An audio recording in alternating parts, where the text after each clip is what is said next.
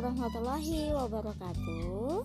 Salam anak-anak Podcast ini bertujuan untuk menyampaikan materi ketahanan kelas 8 Terima kasih, salam dan bahagia.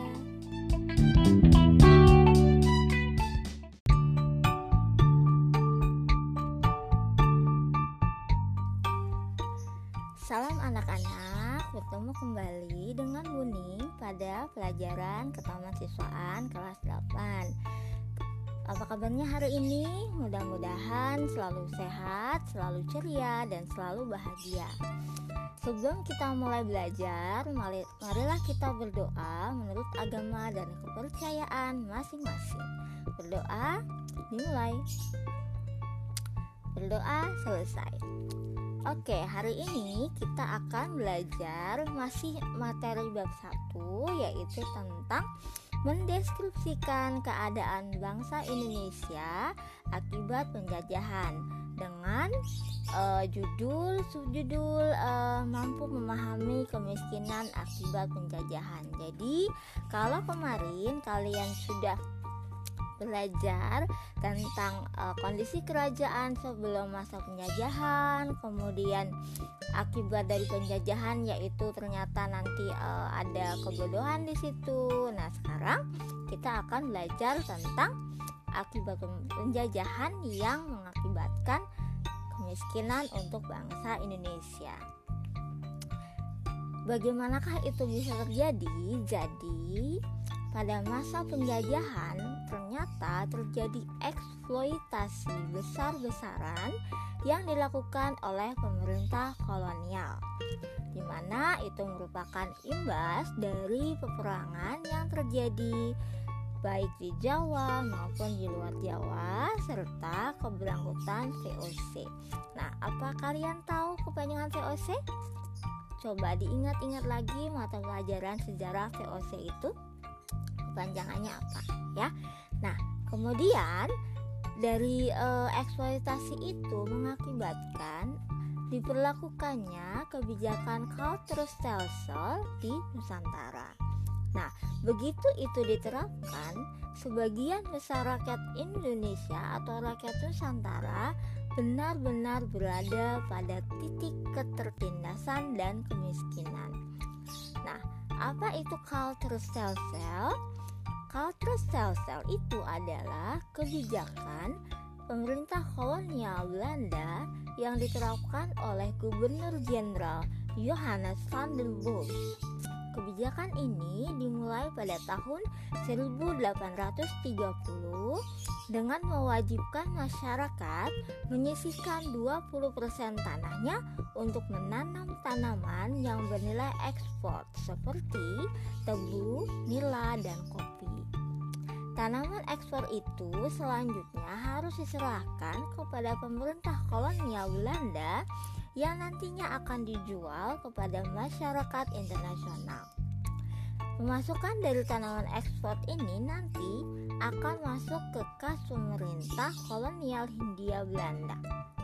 Nah, jadi eh, kita yang menanam, ya, kita yang memproduksi diserahkan kepada pemerintah kolonial Belanda dia yang menjual, dia yang dapat untungnya, sedangkan kita tidak dapat apa-apa. Makanya pada saat itu uh, kondisi masyarakat Indonesia ya, terutama yang uh, bukan kalangan bangsawan itu benar-benar sangat memprihatinkan ya. Jadi yang miskin makin miskin ya.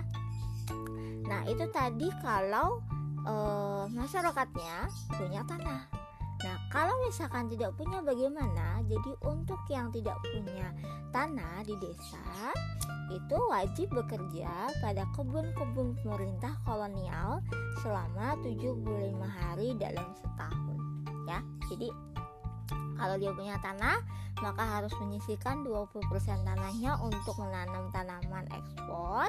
Jika tidak punya, maka wajib bekerja di kebun-kebun pemerintah. Nah, akibatnya kemiskinan di Indonesia atau di Nusantara pada saat itu uh, sangat terasa sekali ya. Jadi di masa penjajahan itu kalau kalian bayangkan itu benar-benar uh, ya tidak seperti sekarang gitu kalau sekarang kan kalian bebas ya mau beli apa saja sama ada uangnya gitu orang tua kalian bekerja juga uh, bisa di mana saja tidak harus uh, misalkan uh, yang bisa di perusahaan itu hanya yang kaya-kaya saja tidak gitu ya maka kalian wajib bersyukur bahwa kalian dilahirkan pada saat Indonesia sudah merdeka gitu ya jadi poin penting hari ini adalah kalian wajib bersyukur kalian sudah dilahirkan pada saat Indonesia merdeka.